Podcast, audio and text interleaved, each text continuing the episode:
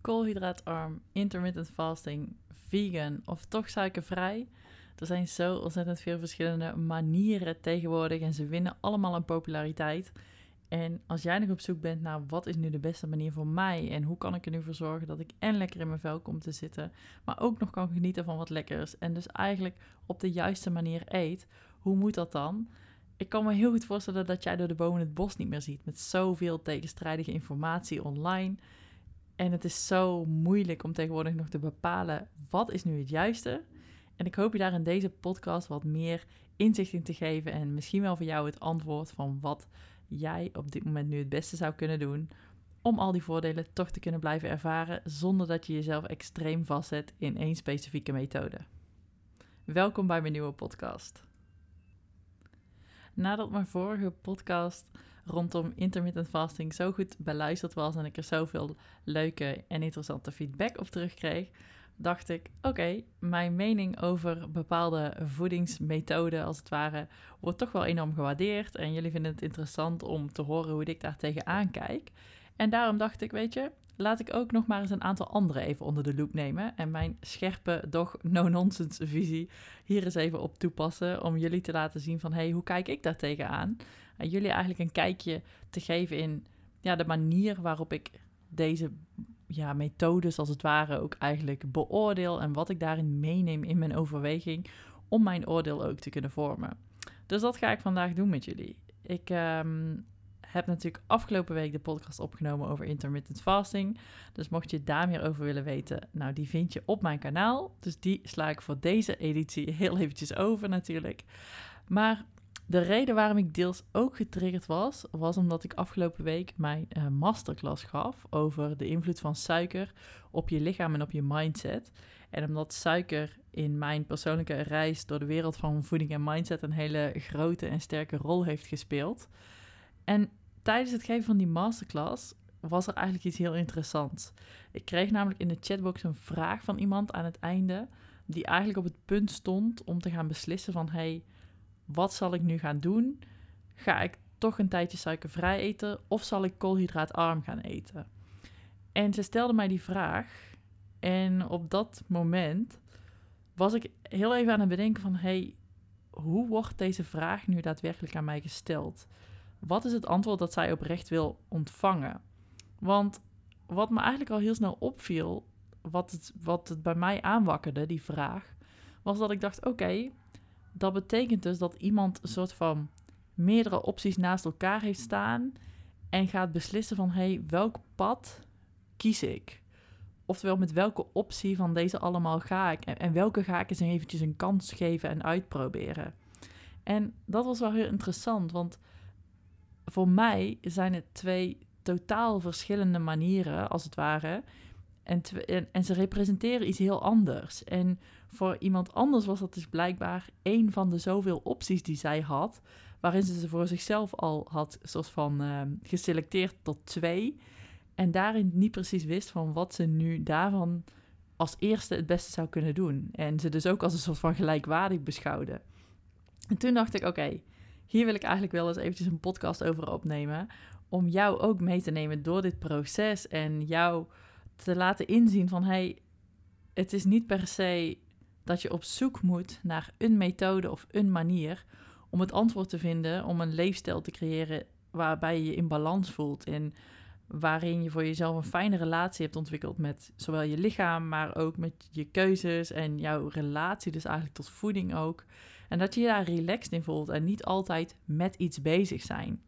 Want dat is eigenlijk al het allereerste wat ik daarover wil zeggen. Ik heb het idee dat er een beetje een beeld gecreëerd is waarin we nog een soort van massaal op zoek zijn naar de beste manier om te kunnen eten. En waarin we misschien ook nog wel geloven dat, dat er een soort van één superieure methode zou zijn en dat we allemaal zo hadden moeten eten. En het is interessant, want afgelopen week zag ik een documentaire op Netflix en daarin hadden ze het over de Blue Zones.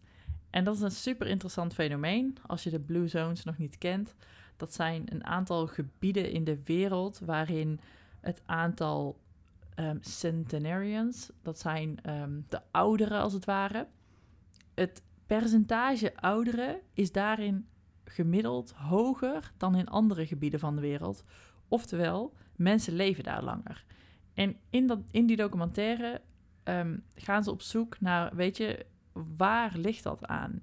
En welke onderdelen spelen daarin een rol, waardoor die mensen zo oud worden? Want dat is dus vaak specifieke gebieden waarin dus heel veel ouderen samen wonen. En, en in dus heel specifieke ja, deel van een bepaald land waarin dat zo is. En misschien wel een stad of een dorp. Dus dat is, dat is heel interessant van wat is daar nu anders, wat dus in de rest van de wereld niet zo is. En wat vanuit mijn perspectief, van het eh, voeding- en mindset gedeelte natuurlijk, wat ik daarin heel interessant vind, is dat het vier of vijf zones sorry, zijn over de hele wereld met vijf totaal andere eetculturen. En om je allemaal vast een beeld te geven, één, uh, één zo'n gebied zit ergens op een eiland in Japan, maar één ander gebied is ook uh, in het zuiden, geloof ik, van Italië. En dan een specifiek dorp en stadje waar mensen ook echt enorm oud worden. En alleen al die twee hebben zo'n ontzettend grote tegenstelling wat betreft eetcultuur en, en welke producten daarin heel veel gegeten worden. En nou ja, eigenlijk totaal anders. Uh, Japan natuurlijk vergeleken met Europa al en dan nog heel specifiek Italië. En de interessante conclusie die je daaruit kunt trekken is dus dat het waarschijnlijk niet met voeding te maken heeft. Want als je twee zo uiteenlopende um, eetculturen hebt, dan kun je dus al niet zeggen van, oh, het komt omdat ze in Japan heel veel rauwe vis eten. Nee, dat is dus, daar, daar is het niet van afhankelijk. En dat betekent dus tegelijkertijd dat er ook niet één superieure eetmethode is. En dat vind ik dus extreem interessant.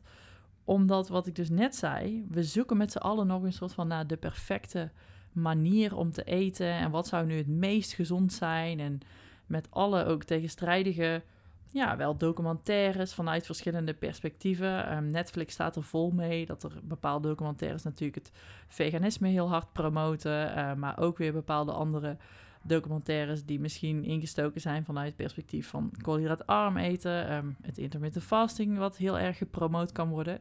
En dat is ook wat ik in mijn vorige podcast aanhaalde, weet je. Kijk vanuit welk perspectief een bepaald beeld wordt geschetst. En een documentaire vanuit een veganistisch perspectief zal er altijd toe leiden dat jij een slecht beeld krijgt over de vleesindustrie. En dat is op zichzelf niet per se slecht, maar dan wordt er wel gecreëerd dat een soort van alle voordelen te wijten zijn aan een veganistisch eetpatroon. Terwijl dat misschien niet direct waar hoeft te zijn. En dat er een meer nuance en een balans is in dat oordeel. En daar word je vaak een beetje tot misleid. En in die zoektocht dus naar het perfecte eetpatroon, vind ik die documentaire of dat stuk wat ik zag over die Blue Zones echt daarin zo ontzettend goed om dat perspectief vooral ook weer te geven van hey kijk, de gebieden waar mensen echt het oudst worden, daar wordt zo verschillend gegeten. En dat is ook wat ik predik, weet je. Er is niet één manier. Er is niet één superieure methode die een soort van alle gezonde voordelen zou bevatten, waarin je extreem oud gaat worden en alle andere, dan doe je het niet goed. En dat is zo interessant, want dat is wat we op dagelijkse basis, weet je, in alle uh, verjaardaggesprekken, is dat wel wat je een beetje, ja, wat er gecreëerd wordt en met, welk gevoel je daar weggaat. En iedereen heeft er natuurlijk altijd een mening over. En als er dan één of twee personen ontzettend goed resultaat hebben gehaald met één methode of een, een tijdelijk een bepaalde manier volgen. Nou, dan creëert dat op die verjaardag zelf al, uh, al populariteit. En dan ga jij misschien ook nog eens kijken, want ja, misschien is het dan toch wel. Dus je wordt echt op microniveau beïnvloed omdat één of twee mensen goede resultaten hadden met iets. Waardoor jij kan denken van, oh ja, maar misschien is dit het toch wel. En vervolgens ga je daar dan documentaires over kijken of je gaat daar, je daar een beetje over inlezen. En dan wordt dat natuurlijk alleen nog maar versterkt.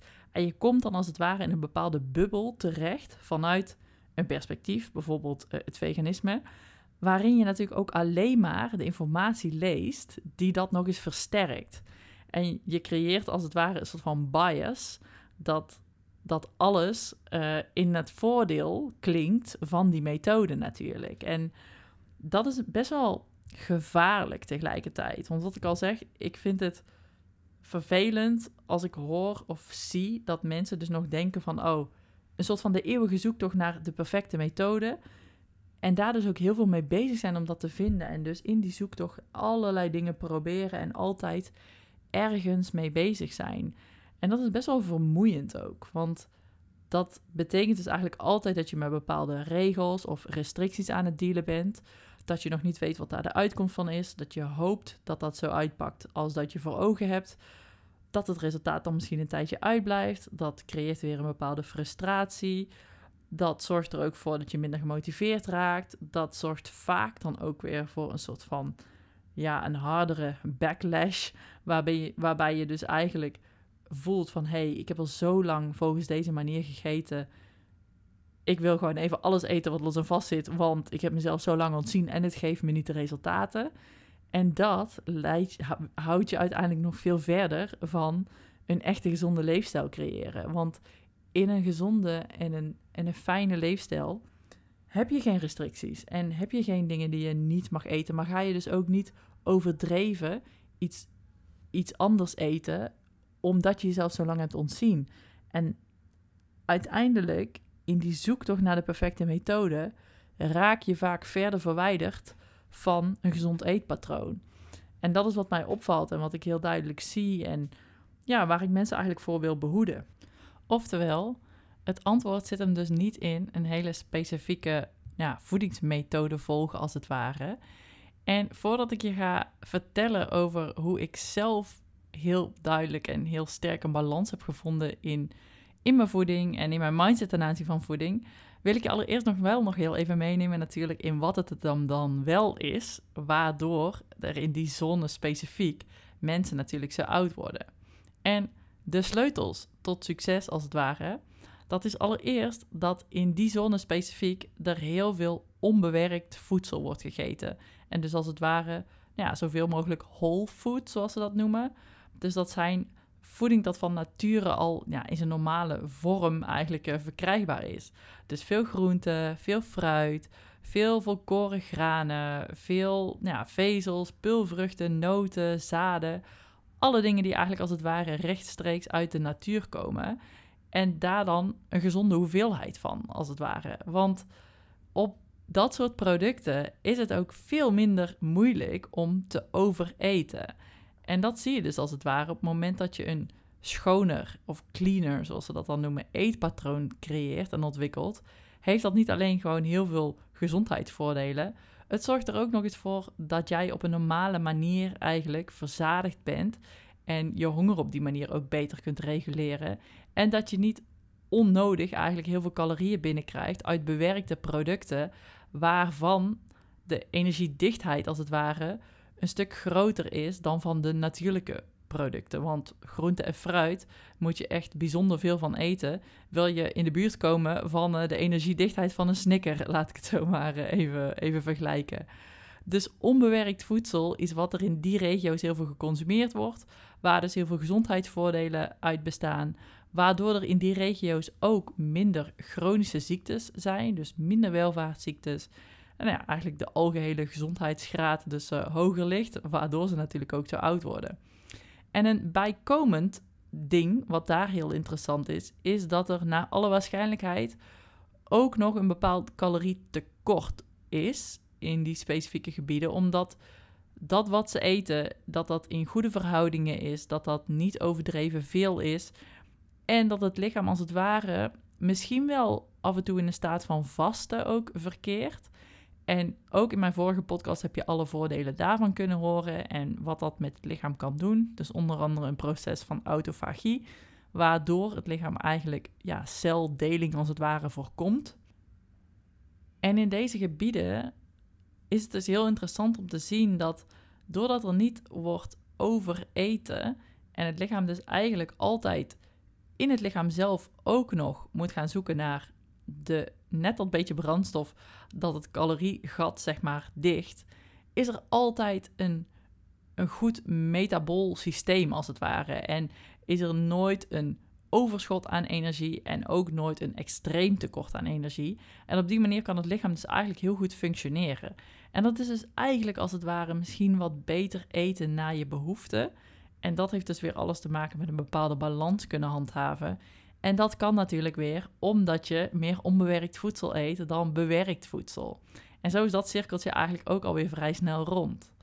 Vervolgens, wat daarin een rol speelt, is de alcoholinname. Want ook in die gebieden is blijkbaar bekend dat er een, eigenlijk een gematigd alcoholgebruik is. En niet zoals wij dat kennen uh, nou, op stapavonden en feestjes en dat er echt overmatig alcohol gebruikt wordt. Want ook alcohol heeft zo'n eigenlijk ja, desastreus effect en destructief effect op het lichaam. Want alcohol, nou ja, dat weet je wellicht, breekt ook hersencellen af. Alcohol krijgt de voorkeur in het lichaam om afgebroken te worden ten koste van alle andere processen, omdat het eigenlijk als het ware een schadelijke stof is waar het lichaam zo snel mogelijk vanaf wil. En om die reden kan het lichaam ook niet efficiënt omgaan met voedingsstoffen als het ware, omdat het zo de focus heeft op die gifstoffen eigenlijk het lichaam uitkrijgen. Dus dat is heel interessant met betrekking tot alcohol, dat een gematigd patroon daarin ook heel erg bijdraagt aan ja, de lange termijn gezondheid van deze bevolkingsgroepen in deze regio's. En vervolgens, wat er ook bekend is, is dat zij een moderate beweegpatroon hebben. Dus ze zijn actief, maar niet overdreven aan het sporten, laat ik het zo zeggen. Gewoon een patroon waarin genoeg en voldoende bewogen wordt. En dat kan dus al betekenen gewoon een wandelingetje maken over de dag. Uh, wat vaker de fiets pakken. Het zijn vaak ook wel een beetje de dorpen waarin gewoon niet zo uh, snel met de auto over de snelweg even snel ergens naartoe gereden wordt. Maar dat het de plekken zijn waarin ook misschien meer fysiek beweging noodzakelijk is om van de ene naar de andere plek te gaan. Waarin het misschien wel een beetje een heuvelachtig landschap is. Waarin je dus eigenlijk ook standaard al ja, wat meer energie verbruikt om gewoon dagelijkse functionele dingen te kunnen doen. Eh, misschien wel naar de supermarkt lopen met je tassen weer omhoog. Al dat soort dingen die eigenlijk het lichaam gewoon ten goede komen. Want sporten en bewegen, nou bewegen dus in dit geval, hoeft niet per se te betekenen dat je aan het sporten bent. Want bewegen zijn eigenlijk gewoon alle functionele taken die je met je lichaam elke dag uitvoert. En het lichaam is daar gewoon hartstikke op voorbereid. En dat is eigenlijk alleen maar hartstikke gezond als dat meer in je patroon zou zitten. Waarin wij hier in uh, de westerse uh, Nederlandse cultuur toch ook wel steeds meer zittende beroepen hebben. Steeds meer inactiviteit, steeds minder noodzakelijkheid om ook actief te zijn en, en veel te moeten bewegen. Het zijn steeds minder fysieke beroepen. Nou ja, en alles is zo gemakkelijk gemaakt dat je eigenlijk de deur niet meer uit hoeft als je niet zou willen. Wat je gezondheid uiteindelijk niet ten goede komt en het bijna ook een drempel maakt om je aan te zetten tot activiteit. Waar ze er in die regio's misschien niet omheen komen, dat ze wel moeten als het ware. Waardoor het ook veel minder een opgave is, omdat het veel normaler is geworden. Dus dat is ook een hele interessante, dat dat beweegpatroon gewoon op een, op een normaal tempo, nog niet eens zozeer dat je jezelf helemaal uit moet sloven, daarin ook een hele grote rol speelt in de reden waarom ze zo lang leven en eigenlijk een goede gezondheid leven. En tot slot, wat daarin ook nog bekend is, is dat er voldoende wordt geslapen. Waarin misschien wel iets meer een ritme geldt, waarin je bijvoorbeeld gaat slapen als de zon ondergaat en weer wakker wordt als de zon opkomt. Dus eigenlijk meer een bepaald natuurlijk ritme hanteert. En de effecten van slaap op jouw gezondheid en jouw staat van zijn, als het ware, die zijn zo onwijs groot. En ik zie ook zoveel nou ja, dagelijkse problemen en gezondheidsproblemen ook, als het ware, ontstaan uit het feit dat er een slaaptekort is. Omdat slaap jou beïnvloedt op zo ontzettend veel manieren. Het heeft niet alleen invloed op jouw eigenlijk ja, staat van zijn en jouw welzijn, dus oftewel jouw emotionele staat van zijn op die dag, maar ook nog op zoveel andere processen, zoals onder andere jouw honger- en verzadigingssysteem. Op de dagen dat je tekort slaapt, kan jouw lichaam signaal geven dat het meer honger heeft dan normaal. En kan de verzadiging eigenlijk langer uitblijven, waarin je op die dagen er eigenlijk ja, bijna toe aangezet wordt dat je meer energie binnenkrijgt dan dat je eigenlijk in ieder ander geval nodig zou hebben. Want de verbranding is op die dagen niet per se hoger. En het leidt er ook nog eens toe dat je minder geduld hebt, een korter lontje, dat je minder weerstand kunt bieden, minder wilskracht hebt, minder doorzettingsvermogen. En dus eigenlijk ook sneller geneigd bent tot het eten van nou ja, minder uh, gezonde producten, laat ik het zo maar even noemen. Of als je de verleiding al kon weerstaan, maar je komt vervolgens nog een keer in een lastige situatie, dan ga je waarschijnlijk wel ook direct voor de bel, omdat het dan gewoon op is. Je, je hebt niet meer de kracht om je ja, daar nog tegen te verzetten. En op die dagen is het dus gewoon extra moeilijk om, om een gezond patroon te kunnen volhouden. En slaap is daarin dus echt eigenlijk cruciaal en zo makkelijk eigenlijk, als het ware, dat het daarmee zo'n groot gedeelte van de problemen opgelost kan worden. En slapen heeft ook nog op zoveel andere effecten, uh, zoveel andere processen effect. Maar het lijkt me eigenlijk slimmer om daar gewoon een losse podcast aan te gaan wagen in de toekomst. En me voor nu ook vooral even te richten tot ja, hoe je nu uiteindelijk voor jou een fijne balans kunt creëren op het gebied van voeding. Want mindset in relatie tot voeding, dat is wel waarom de meesten mij volgen en wellicht ook uh, mijn podcast luisteren. En daarin heb ik zelf ook een hele reis doorgemaakt, waardoor ik nou, nu sta waar ik nu sta, waarin ik 100% overtuigd kan zeggen dat ik een fijne relatie heb met voeding, dat ik een sterke mindset heb ontwikkeld ten aanzien van voeding. En dat ik me gewoon helemaal en 100% uh, ja, zeker voel en 100% in controle ook over mijn keuzes. En dat maakt dat ik zo weinig stress ervaar uh, rondom voeding en eigenlijk altijd blij ben met de keuzes die ik maak. Omdat ik ook weet dat ik degene ben die, ja, die, die die keuzes maakt en altijd in controle ben en die keuzes ook overwogen kan maken. Maar daarin is wel één heel belangrijke verandering geweest die eigenlijk mijn leven als het ware heeft veranderd. En ook wel echt life-changing is geweest, dus voor mijn relatie met voeding. En dat heeft alles te maken met suiker. En dat sluit eigenlijk ook heel mooi aan in deze podcast, waarin ik dus net uh, dat hele verhaal vertelde van die blue zones en eigenlijk onbewerkt eten en zoveel mogelijk whole foods eten, dus zoveel mogelijk natuurlijke producten eten. En suiker is echt een element geweest uit mijn ja, leven, wil ik wel zeggen, waarin ik echt van jongs af aan al kan herinneren dat ik echt een onwijs grote zoete kou was. En dat heeft me eigenlijk mijn leven lang ja, heeft dat gewoon een rol gespeeld. En was ik altijd te porren voor iets zoets. Echt, ik hing van zoetigheid aan elkaar, zeg ik wel eens. Ik had het liefst boterhammen met zoet. Uh, Nutella was mijn favoriet. Hagelslag op witte boterham. Ai joh, ik, uh, ik ervan. En in de tijd dat ik in de topsport ging, ja, had dat eigenlijk ook heel weinig impact natuurlijk. Want we sporten zoveel en we woonden op kamers en we mochten het helemaal zelf weten wat betreft voeding. Er werd ook nog helemaal geen aandacht aan geschonken. En ook juist in die periode, weet je, we waren uh, jonge meiden, we woonden op kamers, uh, niemand die ons wat maakte. En we konden dus eigenlijk eten wat we wilden. En tuurlijk aten we wel gezonde maaltijden ook, maar er waren ook zeker wel heel veel momenten waarop we heel veel suikers aten. En ja, s'avonds nog naar de supermarkt gingen om, uh, om wat lekkers te halen. En toch in ieder geval altijd wel zorgde dat er ja, wat lekkers in huis was. En dat was ook wat er bij mij thuis altijd wel was. Weet je, we waren wel een gezond gezin ook. En we aten echt wel gewoon gezonde maaltijden. En mijn moeder, uh, ja, die droeg er ook echt wel zorg voor dat wij gezonde boterhammen aten met ook hartig beleggen en niet alleen maar uh, zoet binnenkregen. Maar er was ook heel veel koek en snoep en dat mochten we altijd na school ook wel eten. En dan wel in, in gematigde porties, maar mijn drang naar zoet ja, was ook wel gewoon echt heel groot. En toen ik dus ouder was en zelf meer keuzes mocht gaan maken, kun je het dus ook helemaal zelf beslissen. En dat was ook het punt dat ik het eigenlijk ook ja, helemaal oké vond. Zeker in combinatie met zoveel sporten. Ik dacht gewoon dat het heel weinig invloed had. En het was in ieder geval niet terug te zien. Dus wat was dan überhaupt de schade? Maar het enige wat me wel opviel en wat ik wel opmerkte bij mezelf was die afhankelijkheid van dat zoete. Want het maakte ook dat ik nooit genoeg had. Ik ik kon blijven gaan en ik kon een hele zak M&M's opeten en dan denken van, oh, ik had eigenlijk nog wel steeds meer kunnen eten. En het enige wat ik ben besefte was dat dat rationeel gezien eigenlijk niet normaal was. Alleen fysiek kon ik dat dus gewoon aan en, en kon ik dat prima verdragen en dacht ik ook van, ja, weet je, mijn lichaam vraagt hier blijkbaar om. Ik ik zie het niet terug. Ik zie de schadelijke effecten er niet van. Ik weet alleen dat het niet zo gezond zou zijn. Maar tegelijkertijd wist ik ook niet zo goed wat ik er ja, dan zou aan zou doen. Plus was het zo'n sterk aanwezige trek dat het natuurlijk ook niet de moeite is om daar op dat moment tegen te vechten. Omdat één, ik zag de schadelijke effecten er niet van. En twee, je wilskrachten is na een lange dag uh, met veel trainen uh, ook best wel snel op. En ik dacht, ja, weet je, het is ook allemaal wel prima.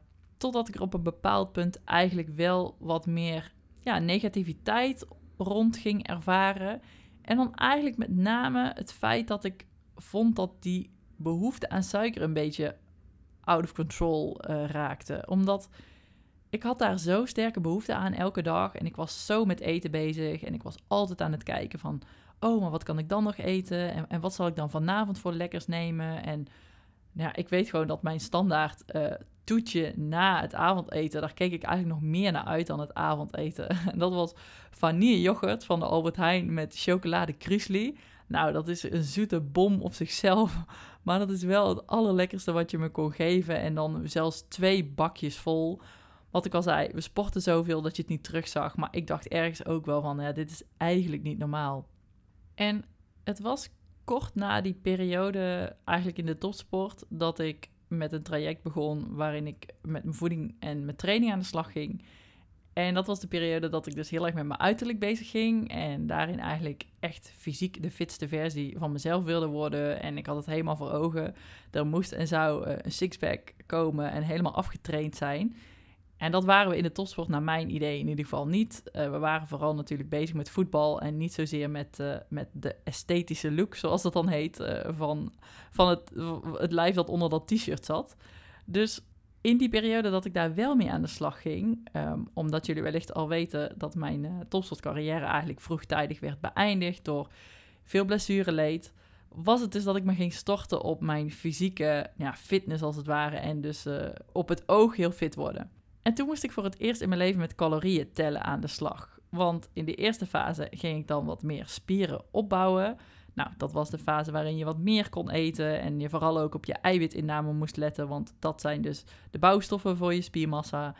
En nou, dat ging allemaal helemaal prima, maar uiteindelijk wilde ik natuurlijk heel strak worden en die sixpack creëren.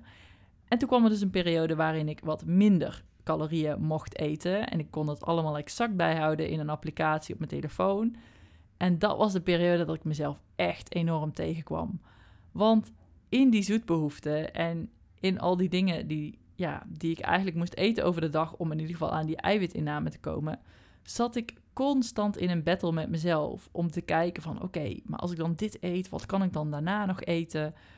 Het was de hele dag een puzzel en met mijn eigen doelstelling van om daar nog maar iets lekkers en zoets tussen te kunnen proppen, wat natuurlijk veel meer calorieën bevatte. Want als je daar een snicker tussen zet, dan was dat misschien al wel 400 calorieën. Ik noem maar even een heel willekeurig getal. En als je er uh, eh, 1600 op een dag mag eten, dan heb je er al een vierde van verbruikt met alleen een snicker. En op die manier leerde ik dus kijken naar, oké, als ik deze keuze maak, wat heeft dat dan voor gevolg voor de rest van de dag? En dat ik dus ook mezelf tegenkwam, omdat ik merkte dat er een aantal dagen waren dat het me dus gewoon niet lukte om me binnen dat budget te houden, omdat mijn zoetbehoefte zo sterk was en zo groot en ja, zo alles overwinnend bijna, dat ik dacht van wauw, weet je, dit kan ik gewoon niet volhouden, dacht ik. Uh, dit is niet realistisch. Ik, ik, kwam van alles tegen in mezelf ook, dat ik dacht van wow, ik wist niet dat dit zo'n battle was en zo'n strijd, waarin ik uiteindelijk ook gewoon, ja, nu kan ik erom lachen. Maar toen ook periodes heb gekend dat ik dacht van weet je, dan ga ik over de dag heen zo min mogelijk eten. Want dan hou ik heel veel uh, koolhydraten over aan het eind van de dag. En dan kan ik gewoon een hele grote bak pepernoten eten. En dat paste dan ook wel binnen mijn caloriebudget. Omdat ik de hele dag zo ja, op een blaadje sla had geleefd bijna.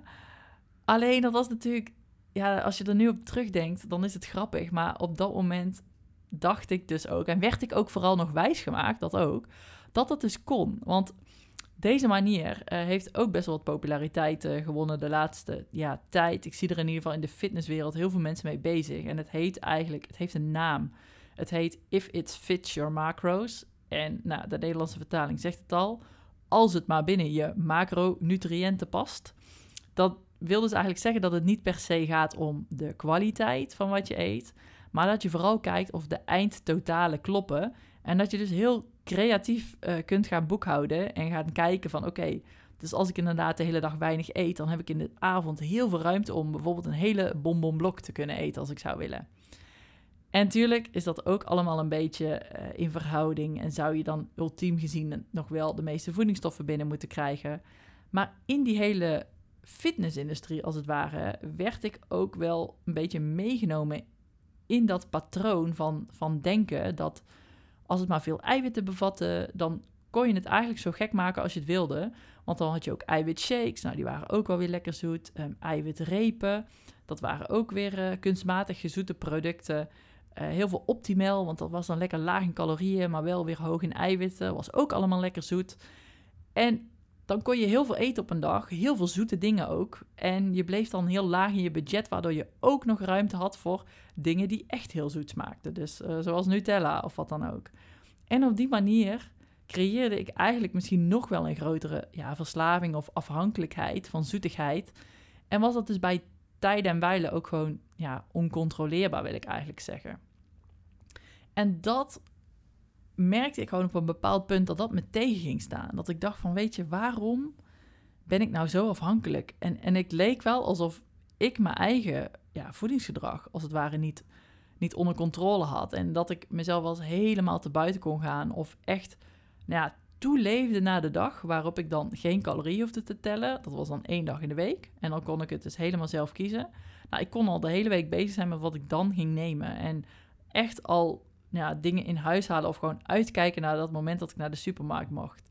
En als ik dat nu vertel, het is best wel gewoon een, een persoonlijk stuk uit mijn eigen reis door de wereld van voeding en mindset. En ik kan me er tegelijkertijd nu al bijna niet meer inbeelden dat dat zo was. Maar ik weet wel nog dat het zo was. Dus ik was, ik was daar echt. En ik had ook echt niet die controle, durf ik wel te zeggen. En ik was heel ver verwijderd van het patroon waar ik nu sta. En dat vind ik dus ook wel heel belangrijk om dit een keer te delen. Want ik weet dat heel veel van jullie zich herkennen hierin. En dat dit voor een heel veel van jullie ook nog steeds gewoon de realiteit is. En dat je denkt van, hé, hey, hoe kan het nou dat ik geen controle heb over mezelf? Hoe kan het nou dat, dat mijn drang naar eten zoveel groter en zoveel sterker is? En als ik dan eenmaal uh, iets eet, of voor, voor de Belgen als het ware, dan, ja, dan is het als het ware alsof de sluizen open gaan en dat er geen eind meer is en dat ik geen rem meer ken. En dan is het gewoon niet, niet te stoppen en nooit genoeg. En ik ken dat allemaal als geen ander, want ik, ik heb dat ook ervaren. En ik heb ook die struggles gehad. En dat ik nog dacht van ja, dit is eigenlijk echt niet normaal. En tegelijkertijd stond ik het mezelf toe. Want ik wist dat het, ja, dat het die dag dan was, dat het van mezelf mocht of wat dan ook. Maar die afhankelijkheid en het gevoel dat ik zelf die controle niet had, dat, dat ging me ook tegenstaan. En dat, dat voelde niet oké. want ik was dan natuurlijk ook oud topsporter. En ik dacht van, weet je, hoe kan het nou dat ik zo'n sterke discipline heb, maar niet als het gaat op het gebied van voeding? Ik had het idee dat ik dat echt niet onder controle had. En ik dacht nog van, wauw, weet je, die mensen die uit zichzelf gewoon gezonde keuzes maken en die dan zeggen van, ik heb genoeg, weet je. Wie zijn die mensen? Uh, komen die van een andere planeet, weet je? Ik, ik heb dat echt zo sterk ook ervaren. Maar waar ik dus eigenlijk naartoe wil, is dat er één echt mega game changer is geweest voor mezelf. En omdat ik dus ook zo sterk die zoetbehoefte had, wist ik ook van, hé, hey, daar ligt voor mij natuurlijk ook wel een antwoord. En dat die zoetbehoefte zo onstilbaar is, dat is, ja, dat, dat, dat is iets op zichzelf. Dat, daar moet je dan natuurlijk wat mee. En ik wist alle gevaren wel, weet je, dat dat de kans verhoogt op diabetes type 2. En wat dan niet meer aan uh, nou ja, welvaartsziektes en, uh, en gezondheidsnadelen als het ware. Maar goed, je bent jong. Waar maak je je druk om? Dat is iets zo'n ver van je bedshow en iets wat veel later pas aan de orde zou komen op het moment dat het echt... Uh, ja, te gek zou worden of je echt heel veel zwaarder wordt ook. En dat was allemaal niet het geval. Maar dus dat motiveerde me ook niet om, om vanuit dat perspectief of vanuit die reden andere acties uh, in te zetten. Nee, het was puur die afhankelijkheid en het feit dat ik geen controle had, wat me heel erg tegenstond. En ja, wat gewoon niet kon accepteren als het ware van mezelf. En in eerste instantie heb ik nog gedacht van, weet je, het is misschien gewoon een signaal van mijn lichaam het geeft het niet voor niks aan. Uh, het zal er wel behoefte aan hebben. En misschien als ik er dus gewoon een keer echt open aan toegeef, dan komt daarmee ook het antwoord. En dan, en dan komt het lichaam vanzelf die dan aangeeft van oké, dan hebben we nu wel genoeg gehad. Dus ik heb dat ook gewoon eens getest en dat geprobeerd. En ik kan je nu achteraf uh, vertellen dat dat niet het antwoord geeft voor jou. En je al helemaal niet naar meer balans brengt en uh, meer controle. Want daarmee verhoog je eigenlijk alleen maar meer ja, jouw drang naar zoet. En het, en het legt de lat als het ware alleen maar hoger naar verzadiging. Dus je kunt steeds meer en meer blijven eten. En ik merkte zelf dat ik na een hele dag mezelf zoet toestaan, de volgende dag bij het ontbijt eigenlijk alweer zoiets had van, nou, ik, ik lust eigenlijk wel weer, weet je. Ik had er gewoon nooit genoeg van gehad. En het had dus niet het effect wat ik uh, ja, misschien had gehoopt, dat het daarmee als het ware uh, minder zou worden. En nu ik daaraan terugdenk, besef ik me eigenlijk ook dat dat in de periode was dat ik uh, in, in Thailand aan het reizen was. Dat heeft me ook zoveel lessen geleerd.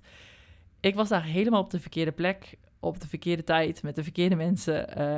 Ja, helemaal misplaatst als een topsporter die daar op een feestende massa terecht was gekomen. En dat ik dacht, wat doe ik hier? En omdat ik me daar zo misplaatst en tegelijkertijd eigenlijk zo verveeld en, en niet op mijn plek heb gevoeld, heb ik daar uiteindelijk ook nou ja, misschien wel mijn plezier en mijn hel gezocht in, in wat daar dan uh, aan eten allemaal verkrijgbaar was. En ook gekeken naar, hey, wat is hier de eetcultuur? Um, wat, wat is hier allemaal voor lekkers te krijgen? Weet je, op iedere hoek van de straat verkochten ze wel wat lekkers. En er was er wel iets zoetigs te krijgen. En, en ook echt extreem zoet. Ik weet nog dat de frisdrank daar zoeter smaakt dan die in Nederland smaakt. En dat, dat viel me in eerste instantie op. En uiteindelijk raakte ik eraan gewend. En ik merkte dus ook dat mijn zoetbehoefte daar op dagelijkse basis heel veel sterker werd. En dus in de combinatie met verveeld zijn, ja, die twee samen was gewoon een dodelijke combinatie als het ware. En daarin was mijn zoetbehoefte nog veel groter. Afijn, uh, terug naar uh, mijn uh, verhaal van dat ik dat dus in Nederland ook een keer had geprobeerd. Het brengt niet de oplossing.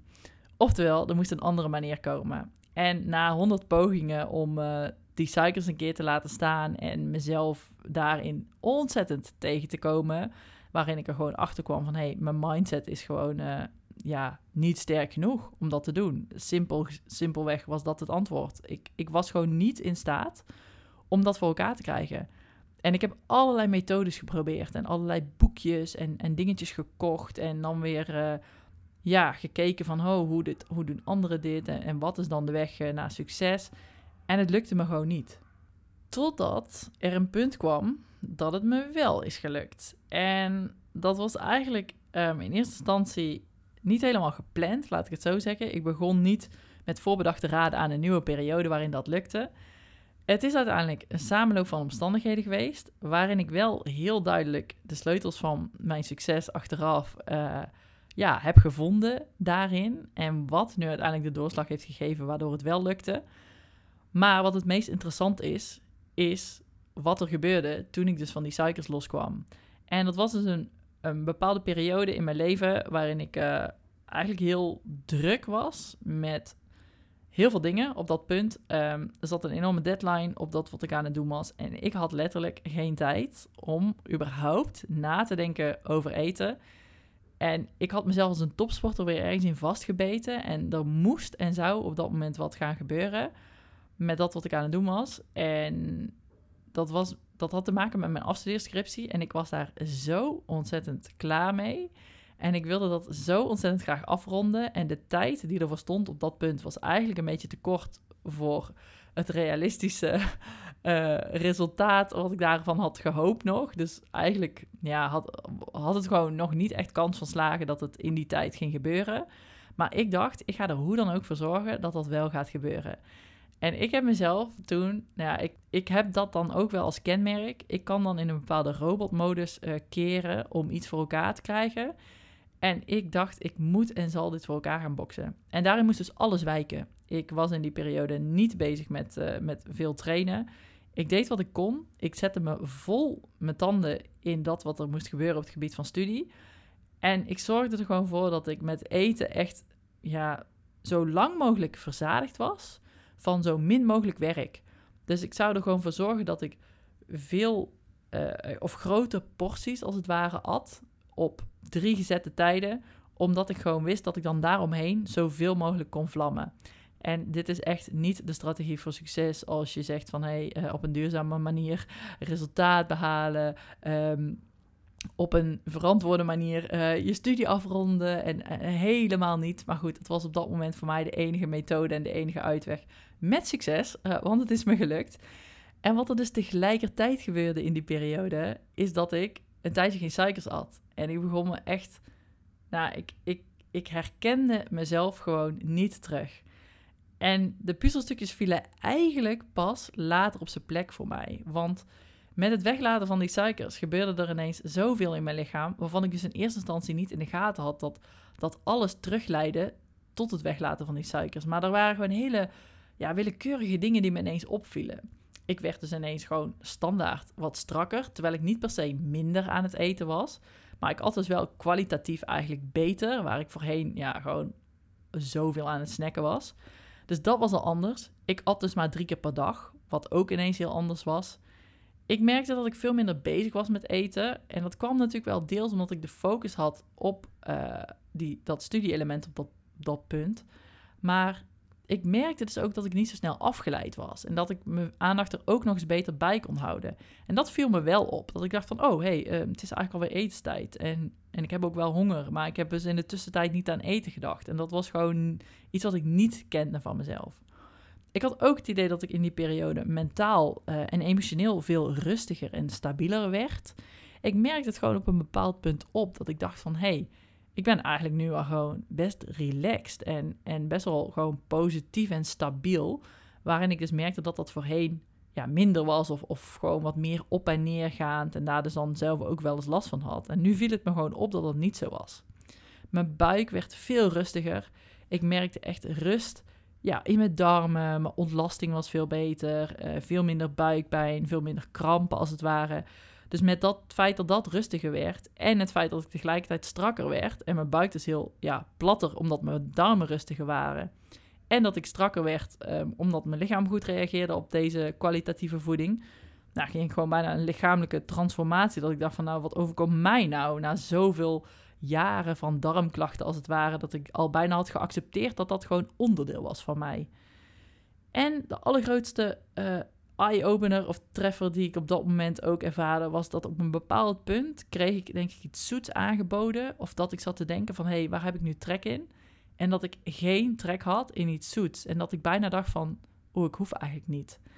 En met dat, uh, met dat moment kwam eigenlijk de realisatie dat ik dacht van, wauw, ben ik dit wel? Weet je, wie is deze persoon? Hoezo kan ik ineens dit ervaren en heb ik deze denkpatronen van ik hoef dit niet? Ik kende dat gewoon niet bij mezelf. En wat ik al zei, ik was altijd voor zoete porren, altijd. Dus daarmee dacht ik van wauw, weet je, dit is echt wel bizar. En ik had gewoon niet kunnen denken dat dit mij zoveel, dat dit zoveel impact had op mij. Maar tegelijkertijd dus dat het zoveel impact had op mijn relatie met voeding. Want wat ik al zei, eigenlijk kwam er veel meer rust terug. Ik had het idee dat ik volledig in controle was. Ook omdat ik niet meer zo'n behoefte aan had aan al dat zoet. Ik vond het veel makkelijker om gewoon mijn hoofdmaaltijden als het ware te eten. En ik ervaarde ook nog eens dat dat die hoofdmaaltijden me heel veel smaak en, en heel veel plezier gaven. En dat ik daar dus ook best wel gewoon naar uitkeek. En dat ik dacht van, oh, eigenlijk wel, wel super lekker uh, dit allemaal. En dat kwam ook omdat mijn smaakpapillen gewoon waren veranderd. Omdat ik ze eerst gewoon, nou ja, als het ware misbruikt had met de hoeveelheid zoet die die smaakpapillen uh, te verwerken kregen. Waardoor al het andere ook heel vlak en heel saai smaakte. En dat ik nu gewoon als het ware een nieuwe smaakbeleving had met, ja, met, met, met gewoon volwaardige maaltijden. En dat was ook ja, zo'n groot ding dat bijdroeg aan het succes. Want als je dat al heel lekker vindt, dan ben je dus ook minder op zoek naar, naar nog meer lekkers daarna. En ik merkte dus dat dat heel erg ja, bijdroeg aan hey, de mate waar ik controle ervaarde, hoe mijn lichaam daarop reageerde. En wat dat dus met mij deed. Want het feit dat ik dus zoiets had van hé, hey, ik hoef geen chocola. Dat was iets wat ik niet kende. Wat ik al zei, dat was gewoon ondenkbaar voor mij. En tegelijkertijd voelde dat zo goed dat ik gewoon voelde van hé, hey, ik hoef dat dus blijkbaar niet en ik heb dat dus blijkbaar niet nodig. En die mate van controle dus echt letterlijk te ervaren, ja, ik, ik, ik kan er niet over uit, nog steeds eigenlijk niet. En daarmee wist ik dus van, hé, hey, weet je, hier ligt voor mij het antwoord. En hier ligt niet alleen voor mij het antwoord, maar ook zoveel anderen. Want kort daarna ging ik eigenlijk als voedingsdeskundige ook werken en ging ik in loondienst en zag ik het daar ook op dagelijkse basis terug. Ik zag zoveel mensen die eigenlijk zo aan het stoeien waren met hun behoefte aan zoet en hun behoefte om eigenlijk te snacken en de hele dag door. En ook zeiden van ik kan eigenlijk niet stoppen met, uh, met snoepen en snacken. En dat ik gewoon wist van hé hey, ja, ik zie gewoon heel duidelijk dat je echt behoefte hebt aan die suikers. En nou, ik had dat dus inmiddels zelf onder controle en ik dacht van wauw, daar ligt gewoon zo'n groot antwoord. En met dat gezegd hebbende wil ik eigenlijk langzaam een einde gaan maken aan deze allereerste podcast die eigenlijk een beetje in het dienst staat van een fijne relatie met voeding ontwikkelen en een goede mindset ten aanzien van voeding ontwikkelen. Als jij merkt dat jij heel erg ja, gestuurd wordt door jouw zoete behoeften en jouw zoete drang en dat je heel veel keuzes maakt op die manier omdat je gewoon voelt ja, dat die behoefte er enorm is, dan ligt daar zo'n groot antwoord voor jou en dat kan echt je leven veranderen en het heeft mijn leven in ieder geval veranderd. En daarmee wil ik ook meteen even aangeven van, hey, het, het wil niet zeggen dat ik vanaf nu nooit meer suikers eet. Ik eet nog steeds gewoon toegevoegd suiker en ik eet zeker ook nog wel een taartje mee en een ijsje en uh, nou, allerlei andere lekkere dingen. Maar ik merk gewoon dat die behoefte veel beter onder in mijn eigen controle ligt. En dat ik ook merk dat ik er verzadigd van ben, dat ik op een bepaald punt genoeg heb. Dat ik ook heel duidelijk weet van, hey, tot hier en oh, ik zou eigenlijk niet elke dag weer iets zoets moeten eten na het avondeten, want dan creëer ik weer een patroon. En daar ligt nou eenmaal voor mij een valkuil. En daar ligt iets waar ik gevoelig voor ben.